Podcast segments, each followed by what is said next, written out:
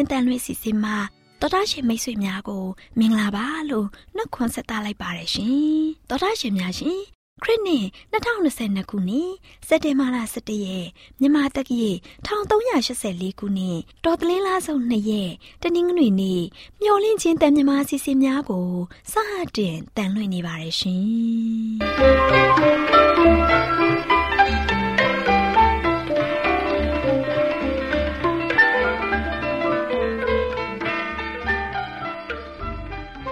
တော်တာရှင်များခင်ဗျာမျောလင်းချင်းအတန်မြန်မာအစီအစဉ်ကိုနက်နက်6နာရီမိနစ်30မှ9နာရီထိစကြောင်မီတာ kHz 10923ညညပိုင်း9နာရီမှ9နာရီမိနစ်30အထိ25မီတာ kHz 11943ညမှအတန်လွှင့်ပေးနေပါတယ်ခင်ဗျာဒီကနေ့တနင်္ဂနွေနေ့မှာထုတ်လွှင့်ပေးမယ့်အစီအစဉ်တွေကတရားဒေသနာဟောကြားခြင်းအစီအစဉ်ကျမ်းမာပျော်ရွှင်လူပေါင်းတွင်အစီအစဉ်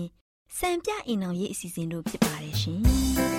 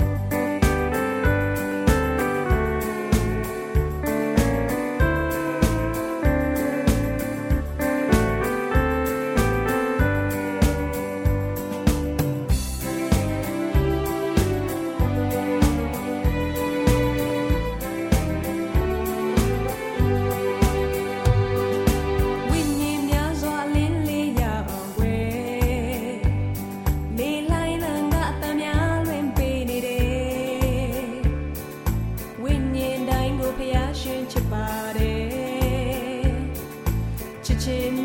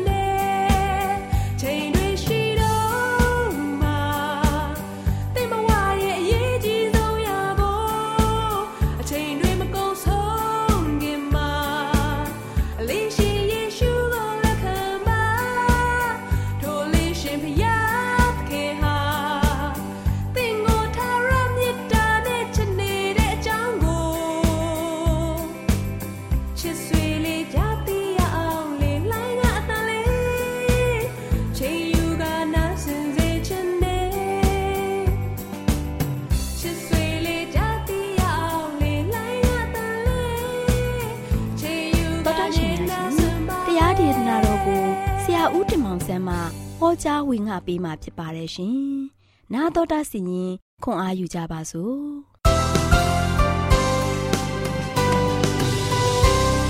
ချစ်တော်မိတ်ဆွေများအခုလော online ဓမ္မဒေသနာကနေမှပျော်ပျော်ရွှင်ရွှင်ဝမ်းပန်းတတာနဲ့နှုတ်ခွန်းဆက်သလိုက်ပါတယ်ဒီနေ့ချစ်တော်မိတ်ဆွေများအားလုံးစိတ်ကြမ်းမှခြင်းကိုယ်ချမ်းသာခြင်းဖြစ်ပြနဲ့လည်းပြေဝဆုံနေကြပါစေချစ်တော်မိတ်ဆွေတို့ဒီနေ့ဆက်လက်ပြီးတော့ကြားနာရမယ့်သတင်းစကားကတော့အိမ်မက်ကိုလုံးဝမေ့သွားတဲ့ဘုရင် အိမ်မက်ကိုလုံးဝမေ့သွားတဲ့ဘုရင်အကြောင်းကိုကြားနာမှာဖြစ်ပါတယ်ပြီးခဲ့တဲ့ရက်ကတော့ကျွန်တော်တို့ဖရာသခင်အားလို့ရှိရင်ကဘာကြီးရဲ့ဖြစ်ပျက်လာမယ့်အရာတွေကဘာရာဇဝင်အကြောင်းအရာတွေကိုဖော်ထုတ်နိုင်ဖို့ရန်အတွက်နေဘုခနေစာမင်းကြီးစီကိုအိမ်မက်ပေးခဲ့တယ်။အဲ့ဒီအိမ်မက်ခါတို့ချင်းဘာဖြစ်မလဲဆိုတာကိုနေဘုခနေစာမင်းကြီးကသိကျင်တယ်လို့ယနေ့ကဘာသူကဘာသားတွေအတွက်လည်းပုံမပြီးမှသိရှိလာဖို့ရန်အတွက်ကြော်ညာသွားဖို့ဖြစ်ပါတယ်။ ဒါကြောင့်နေကုန်းနေဘုခနေစာမင်းကြီးနန်းဆန်နှစ်နှစ်မှာတို့ရှင်မိမိနိုင်ငံဘလောက်တည်တံ့ခိုင်မြဲမလဲဆိုတဲ့အတွေ့နဲ့ဆက်တော်ခေါ်ပြောတော့ခိုက်ခဲ့ပါတယ်။အခြားဘယင်များလိုပဲသူလည်းပဲအနာဂတ်ကိုသိလို့တဲ့ဘယင်တစ်ပါးဖြစ်ခဲ့ပါတယ်။အဲ့ဒီညမှာဘုရားသခင်အားလို့ရှိရင်ကောင်းကင်ကနေမှကြည်ပြီးတော့အာနာရှင်ဘယင်မင်းမြတ်ကြီးဖြစ်တဲ့နေဘုခနေသာမင်းကို တွေ့ရှိပြီးတော့သူ့အားဖြင့်အနာဂတ်ကိုဖော်ပြဖို့ဘုရားသခင်အားလို့ရှိရင် မင်းကြီးကိုအသုံးပြုခဲ့ပါတယ်။ဘယင်မင်းမြတ်ကြီးဆက်တော်ခေါ်ရမှနိုးလာတဲ့ခါမှာကြတော့သူ့အတွက်စိတ်အနှောက်အယှက်ဖြစ်စေခဲ့ပါတယ်။ဘာကြောင့်လဲဆိုတော့အလွန်ရေးကြီးတဲ့အိမ်မက်ကိုမြင်မဲ့ခဲ့ပေမဲ့အဲ့ဒီအိမ်မက်ကိုတော့လုံးဝမေ့သွားခဲ့လို့ဖြစ်ပါတယ်။ဘာဘလုံမှာရှိတဲ့သူတွေဟာဆိုရှင်အိမ်မက်ကိုရေးတကြီးထားကြပါတယ်။ဒါကြောင့်လည်းရှင်ဘရင်မင်းမြတ်ကြီးဟာဆိုရှင် သူမက်ခဲ့တဲ့အိမ်မက်ကိုအိမ်မက်ရဲ့ဒိတ်ပယ်ကိုရောသိချင်နေပါတယ်။နေဘုခနေသာမင်းကြီးမှာတော့ဘေးရင်အတက်မာကုဆရာတွေခါလည်းတဲ့ဆရာအနာဂတ်ဆရာများရှိပါတယ်။ဒါကြောင့်အိမ်မက်အကြောင်းကိုဒီပညာရှင်တွေကပြောပြနိုင်မဲလို့ဘယင်မင်းမြတ်ကြည့်ရလို့ရှိရင်ယုံကြည်ပါတယ်။ဒါကြောင့်နန်းနဲ့စောသောအချိန်မှာပဲပညာရှင်တွေကိုနန်းတော်တဲ့ကိုစင့်ခေါ်ခဲ့ပါတယ်။နော် ပညာရှိတွေရလို့ရှိရင်မင်းကြီးရဲ့ရှေ့တော်မှာခါစားရောက်ရှိလာတဲ့ခါမှာတော့ဒံယေလကဘလို့ဆက်ပြီးတော့ပြောထားခဲ့လဲဆိုတော့ဒံယေလနာဂတိတန်ခိုင်းနဲ့ငွေ3ပါငါသည်အိမ်မက်ကိုမြင်ပြီထိုအိမ်မက်ကိုမသိနားမလဲဖြစ်၍စိတ်မိတ်ဤမသာရှိသည်ဟုမိန့်တော်မူ၏အမှန်တော့ဒီလူတွေဟာဟန်ဆောင်နေတဲ့သူတွေဖြစ်ကြပါတယ်အနာဂတ်သို့သိသလိုလိုနဲ့ဟောခြင်းပြောခြင်းတဲ့လူတွေဖြစ်ပါတယ် အိမ်မက်ရဲ့အတိတ်ဘက်ကိုအမှန်တကယ်သိတာမဟုတ်ဘဲနဲ့မှန်ပြီးတော့အတိတ်ပဲဖော်သူတွေဖြစ်ကြပါတယ်အချိန်တန်ငယ်ဆွဲနေပြီးတော့သူတို့အဆိုချင်းဘယ်လိုပြောရမလဲဆိုရင်ဒံယေလခိုင်းနဲ့ငယ်လေးမှာအရှင်မင်းကြီးအသက်တော်မြဲရှိပါစေကျွန်တော်တို့အားအိမ်မက်ကိုမိန့်တော်မူပါပညာရှိတွေအဆိုချင်းအချိန်ဆွဲနေတာကိုစိတ်မရှိတော့တဲ့အခါမှာဘယင်ကြီးကဘယ်လိုမိန့်တော်မူလိုက်တယ်လဲဆိုရင် ဒံယေလနာဂတိကြံခိုင်းနဲ့အငယ်9နဲ့6မှာရှင်မြင်ကလည်းငါမိန်တော်ရှိပြီထိုအမတ်နဲ့ထိုအိမ်မက်နဲ့အနက်ကိုတင်တော့မဖော်မပြလိုက်ရင်တင်တော့ကို အပိုင်းပိုင်းဆင်းမြည်တင်တော့အိမ်များကိုလည်းနောက်ချေးပုံဖြစ်စေမည်အိမ်မက်နဲ့အနက်ကိုဖော်ပြလိုက်ရင်ဆိုးလက်တပကဂုံအတရေများကိုငါပေးမည် တို့ဖြစ်၍အိမ်မက်နဲ့နက်ကိုငါကိုဖော်ပြကြဟုခါလေတဲ့ပညာရှိတို့ကိုမိန်တော်မူ၏နေဘုခနေစာမင်းကြီးဟာလို့ရှိရင်ကြောင်းမဖွယ်ကောင်းတဲ့အိမ်မက်ကိုမြင်မဲ့ပြီးတော့တုံလှုပ်ခြောက်ခြားနေပါတယ်ပညာရှိတွေကလည်းဘယင်ကြီးကိုအိမ်မက်ကိုပဲပြောဖို့တောင်းဆိုကြပါတယ်ဒီခါမှာတော့ဒီလူတွေလှုပ်ရဟာလို့ရှိရင်မမှန်ကြောင်းဘယင်မင်းမြတ်ကြီးတိသွားပြီးတော့နောက်ဆုံးသူတို့ကိုချင်းချောက်တဲ့အခါ သူတို့မာယွင်ကြောင်းဝန်ခံကြပါတယ်ဒါရင်လခန်းကြီးနှစ်ငွေ37မှာခါလက်တဲ့ဆရာတို့ကလည်းအရှင်မင်းကြီးအမှုရာကိုဖြေနိုင်မည်သူမြေကြီးပေါ်မှာတရားမျှမရှိပါလို့ဖြေကြပါတယ်အဘယ်မြေသောရှင်ပြန်သည်ဘုံတကူကြီးတော်လဲမာကုပညာရှင်ဘေးရင်တက်ခါလက်တဲ့ဆရာတို့အားဤသို့မေးလိမရှိပါ အရှင်မင်းကြီးမေးမြန်းတော်မူသောအရာသည် ခက်သောအရာဖြစ်ပါ၏လူပကတိနှင့်မဆက်ဆံသောဖျားမှတပါအဘယ်သူမှ ရှင်မင်းကြီးရှိတော်၌မထုတ်မဖော်နိုင်ပါဟုရှောက်ထားကြ၏ချစ်တော်မိတ်ဆွေတို့ဖယားသခင်ပေးခဲ့တဲ့ဒါဝိမင်းဒီနေဘုခနေစာမင်းကြီးရဲ့အိမ်မက်ဟာဆိုရှင်လူသားရိုးရိုးဘယ်လို့မှမဖော်ထုတ်နိုင်ပါဘူး ဘယ်လို့မှလည်းဒီအိမ်မက်ကိုအတိတ်ပဲပြန်ဖို့ရန်အတွက်လဲတမန်ကန်ရှန်ကာနဲ့လုံးလို့လည်းမရပါဘူးဒါကြောင့်ဘုရားသခင်အားလို့ရှင်ဒါဝိမင်းကြီး sorry နေဘုခနေတာမင်းကြီးရဲ့အိမ်မက်ကိုဘုရားသခင်အားလို့ရှင်မဖော်ပြခဲ့တာဖြစ်ပါတယ်နေဘုခနေတဲ့မင်းကြီးပြန်ပြီးတော့တတိမရစေတာဖြစ်ပါတယ်ဒါဘုရားသခင်ရဲ့အစီအစဉ်ဖြစ်တယ်ဒါကြောင့်လူတွေအားလို့ရှင်ဒီအိမ်မက်တွေကိုတွေးလာတဲ့ခါမှာ ဟုတ်လို့ဤမှန်လို့ဤနဲ့လူတွေကိုတခါတော့လှည့်စားပြီးတော့ပြန်ပြီးတော့အိမ်မက်ရဲ့ net တွေကိုဖော်ပြနေကြတယ်တကယ်တော့ဒီအိမ်မက်ရဲ့ net ကိုပြောပြနေတဲ့သူတွေဟာဆိုရှင်ဟန်ဆောင်ပြီးတော့တကယ်ပဲဖြစ်ရိုးဖြစ်ထုံးစံအတိုင်းလိုက်ပြီးတော့လုပ်နေကြပါတယ်။ဒါကြောင့်ဘုရင်ကြီးရဲ့ရှေ့တော်မှာနောက်ပိုင်းမှာသူတို့ရဲ့မှားချောင်းကိုဝန်ခံလာပြီးတော့ဘယ်လိုဆက်ပြီးတော့ပြောခဲ့လဲဆိုတော့အရှင်မင်းကြီးမေးမြန်းတော်မူသောအရာသည်ခက်ခဲသောအရာဖြစ်တယ်။ လူပကတိနှင့်မဆက်ဆံသောဖျားမှတပါဘယ်သူမှအရှင်မင်းကြီးရှေ့တော်၌မထုတ်မဖော်နိုင်ပါဆိုပြီးတော့သူတို့ရှောက်ခရှောက်ကြပါတယ်။အဲတော့ကျမ်းသာဆိုရဘယင်မင်းမြတ်ကြီးရဆိုရှင်ဒေါသအမျက်ချောင်းချောင်းထွက်ပြီးတော့သူ့ရဲ့စစ်သားတွေကိုအဲ့ဒီပညာရှိအားလုံးကိုတပ်ဖြတ်ဖို့ရန်အတွက်အမိတ်ပေးလိုက်ပါတယ်။အောက်ချစ်တော်မိတ်ဆွေတို့ယနေ့ဖရာသခင်ကိုတော်တိုင်ကဒီအနာဂတ်အတွက် ဖြစ်လာမယ့်အရာတွေကိုဖော်ပြဖို့ရန်အတွက်ယနေ့တာမန်လူသားတွေတာမန်ပညာရှိတွေတာမန်ပညာရှင်တွေဘေးရင်အတတ်တွေနဂဗေဒပညာရှင်တွေအနာဂတ်ကိုကြိုဟောနေတဲ့သူတွေလုံးဝမတတ်နိုင်ခဲ့ပါဘူး။ဘာကြောင့်လဲဖရာသခင်ကသူတို့အားဖြင့်ဖော်ပြဖို့ရန်အတွက်လုံးဝမှအသုံးမပြုခဲ့ပါဘူး။ဖရာသခင်ကဆိုရှင်သူ့ရဲ့သတင်းစကားကိုသူ့ရဲ့အလင်းတရားကို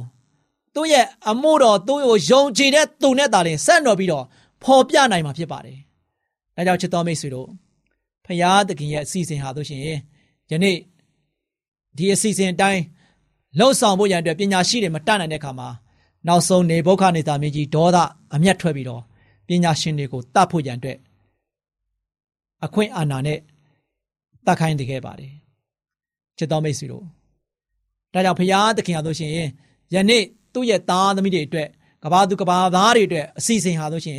ဖရာထံမှလာတာဖြစ်တဲ့အတွက်ကြောင့်ဖရာသခင်ကသူ့သားသမီးအားဖြင့်ဆက်လက်ပြီးတော့ဖော်ပြသွားမှာဖြစ်ပါတယ်ဒီနေ့သတင်းစကားကတော့ဒီလောက်နဲ့ပဲအဆုံးသတ်ကြပါစို့ကျေးဇူးမိတ်ဆွေများအားလုံးကြားရတဲ့ခါမှာဘုရားသခင်ကိုယ်ပြီးမှကောင်းချီးမင်္ဂလာတောင်းချပေးပါစေ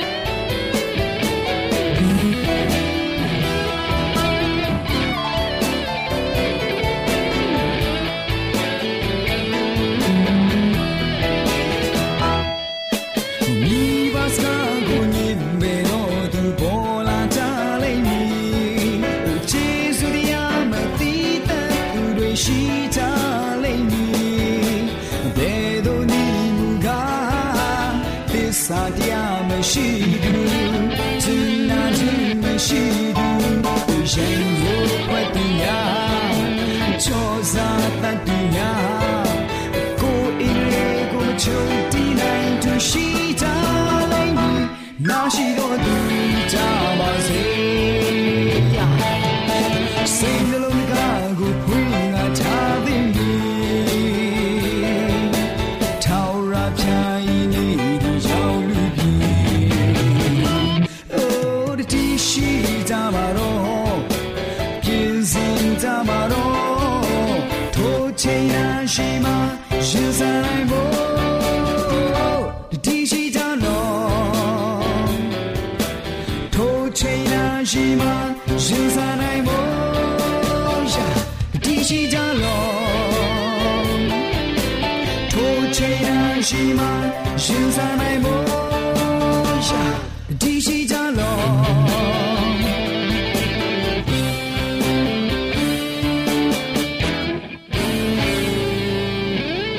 ချင်းအတန်မြန်မာအစီအစဉ်ကိုနားတော်တာဆင်ပြကြတဲ့တော်တာရှင်များမင်္ဂလာပါရှင်တော်တာရှင်များရှင်ဒီကနေ့ကျမ်းမာပျော်ရွှင်လူပေါင်းတွင်ကန္တာမှာကျမ်းမာပျော်ရွှင်အောင်ဖြည်းဖြည်းလုပ်ပါဆိုတဲ့အကြောင်းနဲ့ပတ်သက်ပြီးတင်ပြပေးချင်ပါတယ်ရှင်တော်တာရှင်များရှင်စိတ်ဖိစီးမှုလည်းနည်းမယ်လုပ်ငန်းတွေလည်းအောင်မြင်ဖို့ဆိုရင်ဖြည်းဖြည်းသာပြုလုပ်ပါပုံမှန်ပြုလုပ်နေကြတဲ့ပို့ပြီးနှေးကွေးစွာလုပ်ရင်အလုပ်လုပ်ရတာလွယ်ကူတဲ့အပြင်ရလတ်ကောင်းတွေလည်းရရှိနိုင်ပါတယ်။ ဘာတွေကိုဘယ်လိုဖြည်းဖြည်းလုပ်ရမလဲလေ့လာကြပါစို့။ပထမအချက်အနေနဲ့အိမ်အလုပ်ကိစ္စတွေကို ဖြည်းဖြည်းလုပ်တာကြောင့်စိတ်ဖိစီးမှုနည်းနိုင်ပါတယ်။ပကံဆေးတာနဲ့အဝတ်လျှော်တာလိုမျိုးအိမ်မှုကိစ္စတွေကို ဖြည်းဖြည်းပဲလုပ်ရင်ပြင်းကြည့်စရာမကောင်းတော့ပါဘူး။ထပ်ခါထပ်ခါလုပ်ရတဲ့အလုပ်တွေကိုစိတ်နှစ်ပြီးပြုတ်လုပ်ရတဲ့အတွက်ကြောင့်အုံနောက်အထဲမှာ L5 လိုင်းတွေ alpha line တွေထွက်လာပြီးစိတ်ဖိစီးမှုနဲ့ တင်းမာမှုတွေဟာတရားထိုင်ရင်ရော့ကျသွားသလိုမျိုးကျဆင်းသွားနိုင်ပါတယ်။ဒုတိယအချက်ကတော့စကားကိုဖြည်းဖြည်းပြောပါ။စကားကိုဖြည်းဖြည်းပြောတာကြောင့်စကားသံပြီးသားနိုင်ပါတယ်ရှင်။စကားဖြည်းဖြည်းပြောရင်ပြီးပြီးသသအသံကြားနိုင်တယ်။စကားဖြည်းဖြည်းပြောတဲ့လူဟာစကားမြန်မြန်ပြောတဲ့သူတွေထက်သူတို့ပြောတဲ့အကြောင်းအရာကို40ရာခိုင်နှုန်းပိုပြီးပြည့်ပြည့်စုံစုံသိတယ်လို့ဆိုတယ်။စကားဖြည်းဖြည်းပြောတာဟာ ပြောတဲ့သူရဲ့အတွေးခေါ်တွေကိုတည်တည်ချာချာစဉ်းစားပြီးပြောနိုင်တာကြောင့်ဖြစ်တယ်။နောက်တစ်ခုကတော့ကားဖြည်းဖြည်းမောင်းပါဆိုတဲ့အကြောင်းဖြစ်တယ်။ကားဖြည်းဖြည်းမောင်းရင်အသက်အန္တရာယ်ကိုကာကွယ်နိုင်ပါတယ်။ကားကိုဘယ်လောက်ပဲမြန်မြန်မောင်းမောင်းခရီးဆုံးရင်အချိန်စက္ကန့်ပိုင်းလောက်သာကွာပါတယ်။မီးပွိုင်တွေရှိနေတာအတွက်ကြောင့်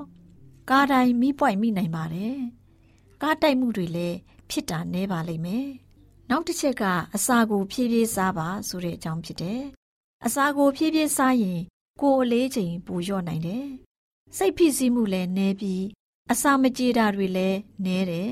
။ကိုယ်အလေးချိန်အလွယ်တကူလျှော့ချနိုင်တယ်လို့သူတေသီတွေကပြောတယ်။ဒါအပြင်ပိုပြီးအစာကြေတဲ့အတွက်ခန္ဓာကိုယ်ကတင်စားလိုက်တဲ့အာဟာရတွေကိုပို့ပြီးတော့စုပ်ယူနိုင်ပါတယ်။နောက်ပြီးအစာအိမ်မှာအစာပြည့်သွားတာကို အုံနောက်ကိုအချက်ပေးဖို့အချိန်ပိုရသွားတာကြောင့်အစာစားတဲ့ပမာဏ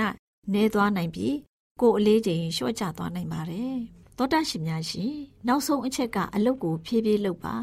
။အလုတ်ကိုဖြည်းဖြည်းလှုပ်ဆောင်ခြင်းကြောင့်အလုတ်ပုံမူပြည့်စည်နိုင်ပါတယ်။တစ်ချိန်တည်းမှာအလုတ်အများကြီးကိုတပြိုင်နက်ပြုတ်လုပ်တာဟာ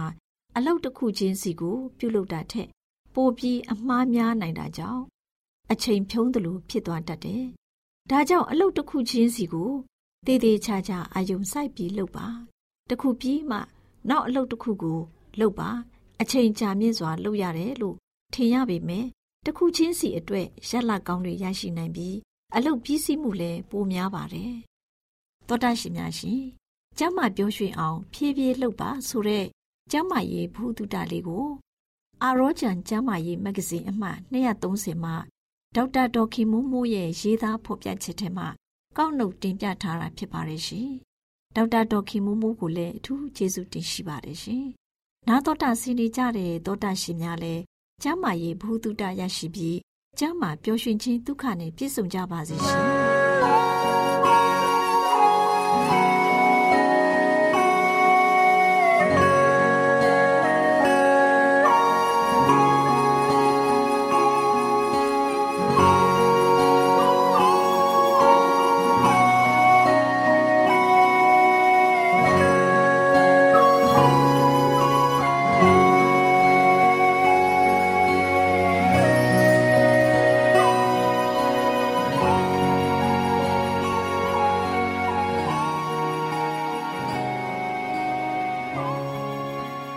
ရှင်များအားလုံးမင်္ဂလာပါရှင်။ခုချိန်မှာစံပြအိမ်အောင်ဆိုတဲ့စာအုပ်ထဲကမိသားစုစီမံကိန်းဆိုတဲ့အကြောင်းအရာနဲ့ပတ်သက်ပြီးတင်ဆက်ပေးချင်ပါတယ်ရှင်။တော်တာရှင်များရှင်မိခင်သားသမီးနဲ့လူအဖွဲ့အစည်းတို့အားစိတ်ဆင်းရဲစေနိုင်တဲ့အမှားအကြောင်းပြောပြချင်ပါတယ်။သားသမီးများမွေးဖွားခြင်းဟာတရားမျှတမှုဖြစ်သည်မဖြစ်သည်ကိုစဉ်းစားဆင်ခြင်မှုမရှိဘဲကြည့်ရှုပြုစုခြင်းခံရရန်၎င်းတုံသင်ဆုံးမခြင်းခံရရန်၎င်းမိဘများအပေါ်တွင်လုံးဝအားကိုးအားထားပြုနေတဲ့ မဆာမဲ့ကလေးတင်ငယ်မြောက်များစွာမွေးဖွားထားကြတဲ့မိဘများလည်းရှိကြပါတယ်။ဒီလိုပြုလုပ်ခြင်းဟာမိခင်ဖြစ်သူကိုသာမက သူ့ရဲ့သားသမီးများနဲ့လူအဖွဲ့အစည်းကိုပါပြုတဲ့မှားယွင်းမှုတစ်ရပ်ဖြစ်တယ်။မိဘများအနေဖြင့်သူတို့သားသမီးတို့ရဲ့အနာဂတ်ကောင်းစားရေးကိုအမြဲတမ်းနှလုံးသားမှာပိုက်ထားသင့်ပါတယ်။ဘဝသက်တာရဲ့လိုအပ်မှုများကိုဖြစ်တင်ပေးနိုင်ဖို့အတွက်တနေကုန်တနေကန်ပင်မကြီးစွာလောက်ကင်ဆောင်ရွက်ရတဲ့အခြေအနေမျိုးကိုမရောက်ရှိသင့်ပါဘူး။ အိမ်အောင်သားဥယေတိုးပွားအောင်မပြုမီသူတို့ရဲ့သားသမီးများမွေးဖွားခြင်းဟာဖျားသခင်ရဲ့ဂုဏ်တော်ကိုချီးမွမ်းရာရောက်သည်မရောက်သည်ကိုစဉ်းစားဆင်ခြင်တင်ကြပါတယ်။အိမ်အောင်ပြုပြီးတဲ့ပထမဦးဆုံးနှစ်မှစပြီးအိမ်အောင်သက်တစ်လျှောက်လုံးမှာသူတို့ရဲ့အကျင့်လင်းများဘဝဟာဖျားသခင်ရဲ့ဂုဏ်တော်ကိုချီးမွမ်းစီမဲ့ဘဝမျိုးဖြစ်စေရန်ကြိုးပမ်းတင်ကြပါတယ်။မိခင်ရဲ့ကျမ်းမာရေးရလည်းအရေးကြီးပါတယ်။မိဘများအပေါ်မှာကြီးလေးတဲ့တာဝန်ရှိမှုကြောင့်အိမ်တော်မှာသားသမီးများမွေးဖွားခြင်းဟာ အကောင်းဆုံးဖြစ်သည်မဖြစ်သည်ကိုတေချာစွာစဉ်းစားဆင်ခြင်သင့်ပါတယ်။သူမရဲ့သားသမီးများကိုကြည့်ရှုပြုစုရန်မိခင်မှာလုံလောက်တဲ့အင်အားရှိသလား။ဖခင်နေဖြင့်သားသမီးများအားမှန်ကန်စွာ ပုံသွင်းပေးခြင်းနဲ့ပညာသင်ပေးခြင်းများဖြစ်တဲ့အကျိုးကျေးဇူးတွေကိုဆောင်ရွက်ပေးစွမ်းနိုင်သလား။ကလေးရဲ့ကံကြမ္မာကိုကြိုတင်စဉ်းစားဆင်ခြင်မှုဟာနှဲပါလာပါတယ်။ကိလေသာတက်မဲ့ခြင်းကိုသာအာသာဖြေဖို့အတွက်နှလုံးသွင်းထားကြတဲ့အတွက်မိခင်နဲ့ဇနီးဖြစ်သူရဲ့ ခန္ဓာအင်အားကိုဆုပ်ယုပ်စေပြီးသူမရဲ့ဝိညာဏအင်အားကိုထုံထိုင်းစေတဲ့ဝန်ထုတ်ကြီးကိုသူမအပေါ်သို့ရောက်စေပါတယ်။ချွတ်တဲ့တဲ့ကျမ်းမာရေးနဲ့စိတ်အားငင်နေရတဲ့အချိန်မှာသူမကြည့်ရှုပြုစုခြင်းမပြုနိုင်တဲ့တိုးစုကလေးတွေဟာသူမအားဝန်းရံထားကြတာကိုသူမတွေ့မြင်နေရတယ်။သူတို့ရတင်ရထိုက်တဲ့တွင်တင်ဆုံးမမှုကိုမရရှိတဲ့အတွက်ဒီကလေးငယ်တွေဟာဖျားသခင်ရဲ့ဂုဏ်တော်ကိုချီးမွမ်းရမှန်းမသိပဲကြီးပြင်းလာပြီးသူတို့ကိုယ်တိုင်တဘာဝရဲ့ဆိုးရုပ်ညဉ့်ညမ်းမှုတွေကိုသူတစ်ပါးကို လက်ဆင့်ကမ်းခြင်းဖြင့်စာရန်စိတ်ကြိုက်ချဲ့လဲနိုင်တဲ့တက်စုတစုပေါ်ပေါက်လာတတ်ပါတယ်။ကလေးသူငယ်တိုင်းဟာတင်းလျော်စွာပညာများစည်းဘူးလေသူတို့အားကလေးသူငယ်အတိုင်းအဝိုင်းမှာခေါင်းဝင်ဆန့်နိုင်ဖို့တုံတင်ဆုံးမတဲ့အခါမိခင်ရဲ့ခွန်အားနဲ့အချိန်ရရှိစေဖို့မိဘများတို့ဟာစင်ကျင်တုံတရားရှိတဲ့ပုံကိုများအနေဖြင့်လောက်ကင်ဆောင်ရွက်စီရင်ဖျားသခင်အလိုရှိတော်မူပါတယ်။သူမရဲ့သားသမီးတို့ဟာအိမ်အောင်တဲ့လူအဖွဲ့အစည်းအတွက်မင်္ဂလာတရက်ဖြစ်စေဖို့မိခင်ဟာ သူနဲ့ဆိုင်တဲ့ကဏ္ဍကိုစိတ်ထားမြင့်မြတ်စွာဆောင်ရွက်ဖို့ဖျားသခင်ကိုချစ်ကြောက်ယူတည်တဲ့စိတ်တော်နဲ့သူမရဲ့လုပ်ငန်းကိုဆောင်ရွက်ရန်သူမမှာသူရတတိရှိရမယ်။ဇနီးဖြစ်ပြီးသားသမီးများရဲ့မိခင်ဖြစ်တဲ့သူဟာအချီးနှီးအလုပ်များနေမယ်ဆိုရင်စိတ်အားငယ်နေရတဲ့အခြေမျိုးနဲ့ရင်ဆိုင်စေဖို့မရှိစေဖို့ခင်မွန်းကလည်းစဉ်းစားဖြစ်တင်ပါတယ်။မြောက်များလာတဲ့ရင်သွေးငယ်တွေဟာတင့်လျော်တဲ့တင် जा ပြသမှုကိုမခံရဘဲကြီးပြင်းလာစေခြင်းအပြင်သူတို့အတွက်တရားမျှတတဲ့တာဝန်ကို မထမ်းဆောင်နိုင်တဲ့အခြေအနေမျိုးမှာသူ့သားသမီးငယ်တို့ရဲ့မိခင်ဟာရက်တီမနေစေဖို့အိမ်နောက်ဦးစီးဖြစ်သူဟာကြည့်ရှုစီမံရမယ်။မိဘတို့ဟာသူတို့အနေဖြင့်ကောင်းမွန်စွာကြည့်ရှုပြုစုပြီးပညာသင်ပေးနိုင်တဲ့ဥယျာဉ်ထက်ပိုပြီးသားသမီးများကိုမမွေးတင်ကြပါဘူး။နှစ်တိုင်းမိခင်ရဲ့ရင်ခွင်မှာမွေးဖွားစသူငယ်ကိုပိုက်ပွေနေရခြင်းဟာသူမအားပြုတဲ့မဟာမတရားမှုတစ်ရပ်ဖြစ်ပါတယ်။ဒီလိုစစ်မပြတ်သားသမီးများမွေးဖွားရခြင်းဟာ လူမှုရေးဆိုင်ရာပျော်ရွှင်မှုကိုနှဲပါစေပြီးအများအားဖြင့်ဒီပျော်ရွှင်မှုကိုဖျက်ဆီးပြီးအိမ်နှွေးမှုဆိုင်ရာစိတ်ဒုက္ခကိုပုံမများပြားစေကြပါတယ်။သားသမီးဥယျာဉ်များပြခြင်းဟာမိဘများကသူတို့ရဲ့တာဝန်အနေဖြင့်သားသမီးတို့အားပေးကမ်းအပ်တဲ့ထိမ့်သိမ်းကြည့်ရှုပြုစုခြင်းပညာသင်ကြားပေးခြင်းနဲ့ပျော်ရွှင်မှုဆိုတဲ့ခံစား권တွေရရှိခြင်းကိုလက်လွတ်စေတတ်ပါတယ်။နားဆင်ကြကြတဲ့တောတာရှင်များအားလုံးပေါ်ဖဖျားရှင်ကောင်းကြည့်ပေးပါစီရှင်။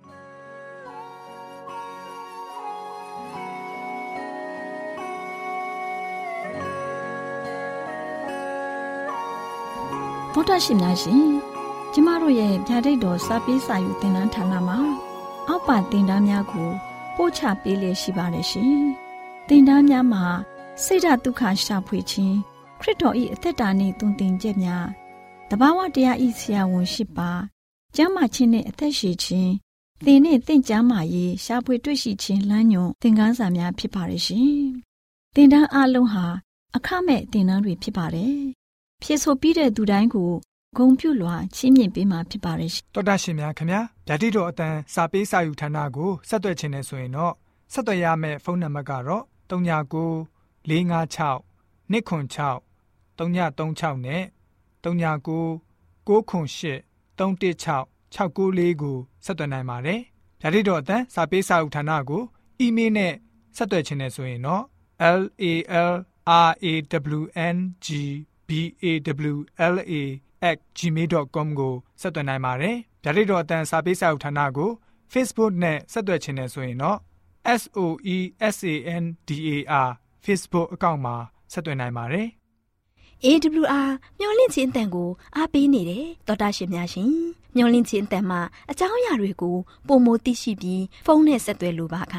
39 2939 3926ခွန်45နောက်ထပ်ဖုန်းတစ်လုံးအနေနဲ့39 688 464 48ခွန်ကိုဆက်သွယ်နိုင်ပါတယ်ရှင် AWR မျော်လင့်ခြင်းအတန်ကို Facebook နဲ့ဆက်သွယ်ခြင်းနဲ့ဆိုရင်တော့ AWR ရန်ကုန် Facebook Page မှာဆက်သွယ်နိုင်ပါတယ်ခင်ဗျာအင်တာနက်ကနေမျော်လင့်ခြင်းအတန်ရေဒီယိုအစီအစဉ်တွေကိုနားထောင်ခြင်းနဲ့ဆိုရင်တော့ website လိပ်စာကတော့ www.awr.org ဖြစ်ပါတယ်ခင်ဗျာ။သောတာရှင်များရှင် KSTA အာကခွန်ကျွန်းမှာ AWR မျိုးလင့်ချင်းအတံမြန်မာအစီအစဉ်များကိုအတံလွှင့်ခဲ့ခြင်းဖြစ်ပါတယ်ရှင်။ AWR မျော်လင့်ခြင်းအတန်ကိုနာတော်တာဆင် gay ကြတော့တောတာရှင်အရောက်တိုင်းပေါ်မှာဖျားသခင်ရဲ့ကြွယ်ဝစွာသောကောင်းကြီးမင်္ဂလာတက်ရောက်ပါစေကိုယ်စိတ်နှဖျားစမ်းမွှင်လန်းကြပါစေကျေးဇူးတင်ပါတယ်ခင်ဗျာ Thank you.